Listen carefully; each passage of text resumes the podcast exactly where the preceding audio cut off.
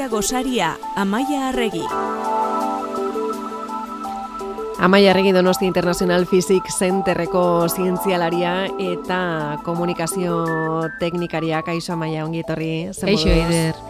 Gaurkoan mm, mezuak edo edo zehatzago esateko mezu bat eh, izango dugu izpide. Bai.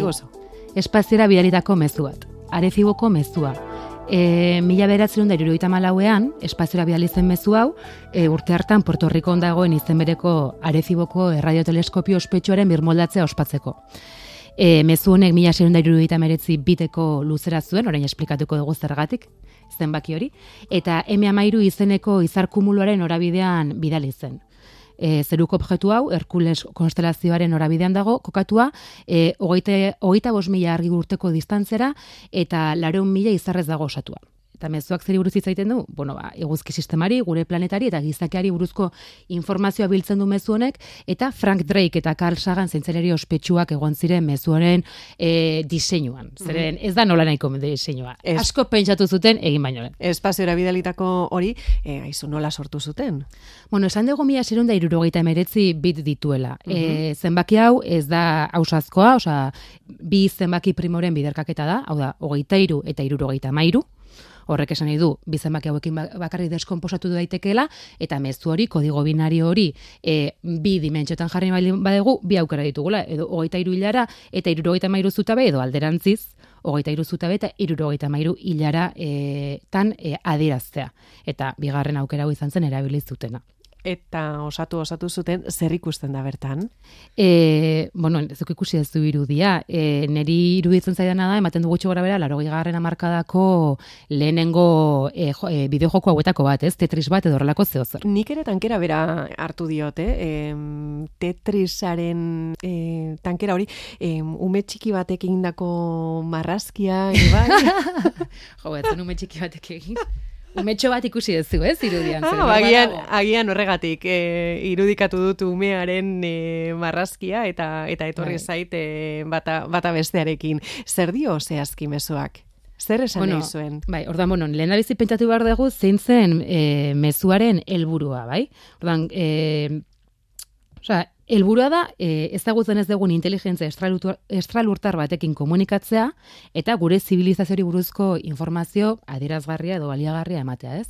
E, gai izan daitezen ulertzeko, ba, nolakoa den gure gizartea, bizitza eta bar.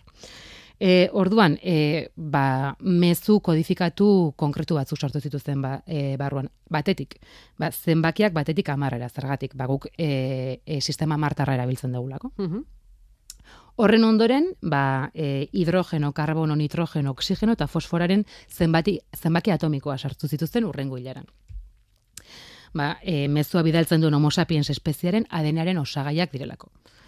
Horren ondoren, mezuan, adeneak dituen nukleotido kopuru agertzen da, eta baita gure adenearen struktura ere, e, elize bikoitz. Horren atzetik, e, gizaki baten figura, hori, bai, mm gero horren ondoren gizaki bat, gizakionen figura eta bere altuera adiraziz, eta horren ondoren lurreko populazioa, gara hartan lau mila milioi, ginen, eta gero eguzki sistema adierazten dugu, eta gaina eguzki sisteman jartzen dugu, nun gauden gu. Hola, e, ikustezu, irugarren planeta, gu gerala, hemen jartzen du.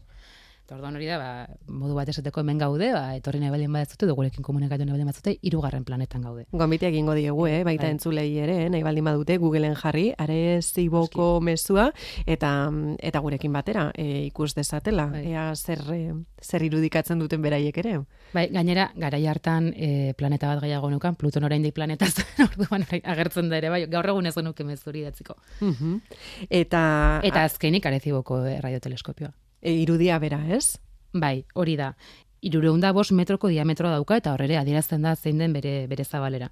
Indula gutxi desmantelatu dute, eta bueno, ba, komunitate zientifiko oso tristez zegoen, zeren oso emblematikoa izan den, radioteleskopiko, e, radioteleskopioa izan da, azkeneko berrogeita marrurteetan, osea, duela gutxi arte munduko handiena zen, eta bueno, astronomiako eta astrobiologiako ba, aurkikuntza pila bat bertan egin dira. E, imaginatuko dezuten ez, bere baldintzen gatik, bat okiparegabea da, beaketarako, eta bizitza estralurtarra bilatze helburu den seti proiektuaren ikerketa asko bertatik egin dira, ez? E, ba, asko gogoratuko ez dute kontakt pelikulan, ba, bueno, Jodie Fosterren personai zoragarria, mm. ba, pelikularen hasieran e, Puerto Rikon dago, e, ba, areziboko radioteleskopioan, eta ikusten da, perfectamente. e, baina, bueno, desmantelatu egin dute, baina lare baditugu beste radioteleskopio batzuk, eta horien artean, e, bueno, eta seti proiektuak ere martxan jarraitzen du, eta horien artean, e, 2006an e, inauguratu zen bostu metroko radioteleskopioa txinan. E, begi zeruti ardeitu diotena, e, FAST, e, e, akronimoa. Eta ze, ze aukera dago, mezu hori ulertua izan dadin? Bueno, ba, ez dakit gure entzulek ja ideia bat egingo zuten ez dela ez dela edo zer gauza mezunen barruan zi joana e, eta bueno gizaki batzuk esatuten gizaki honeko 89 ez dela mezua bere gai e, ulertzeko gai. Orduan e, Carlos Briones astrobiologo eta divulgatzaile famatuak dioen bezala e, estralurtarrak mezua dekodifikatzeko gai izango balira. Horrek esaneko nuke alde batetik matematika ezagutzen dutela e, mm. gero gaina taula periodiko ere ezagutzen dutela e, imaginazio dutela eta gainera izugarri beharrezko pazientzia horrelako e, mezu bat destrifatzeko, ez? Eta bueno, ba, komunikatu nahi baldin badegu, ba, ez dela asiratxarla komunikazio bat martxan jartzeko. Hori zuten du Carlos Brionesek. Bueno, bide batez bere liburuetako batean ariziboko mezuari hitz egiten du, zabala, eske gaiago jakin baldin bazute bere azken liburuan informazio pila bat dakar. Mm. E, eta bueno, eta gaina kontuan izan da, goita mila urte beharko dituela, e, iristeko elmugara, eta gero beste goita mila, e, erantzun bat baldin badago, gure gan erantzun hori deitxi dadin, ba, esan daiteke e, gehiago izan dela, ba, gizakien lorpen teknologikoen erakusketa estralurtarrekin benetan Ko ez, e, benetako elkarrezketa bat e, izateko saiakera baino. Mm -hmm. bueno, imaginatzen torre, iritzi da zorinak dira. Bidali dira, e, eguzki sistematik kanpo, mezu gehiago? Bai, eta gaina, e, bueno, ni dela, mezu famatuenak iruroita marreko amarkadan egin zian, e, pixka lehenago e, pioner espaziontzian sartu zuten disko bat, eta horren atzen zegoen, kalsagan zegoen, kalsagan zegoen saltsa guztietan. Mm -hmm. Pionorren sartu zuten ja, e, plaka bat, ba, gizon eta makume baten irudi batekin, uste gaina bere emazte hoiak egin zuen e, ba, lan bat izan zela, eta gero gaina espaziontziaren informazio, eta eguzki sistemaren informazio konkretuarekin. Eta gero gero xeago, e, irurogeita mazazpen uste, ba, Wire espaziontzietan urrezko disko famatua sartu zen, ez?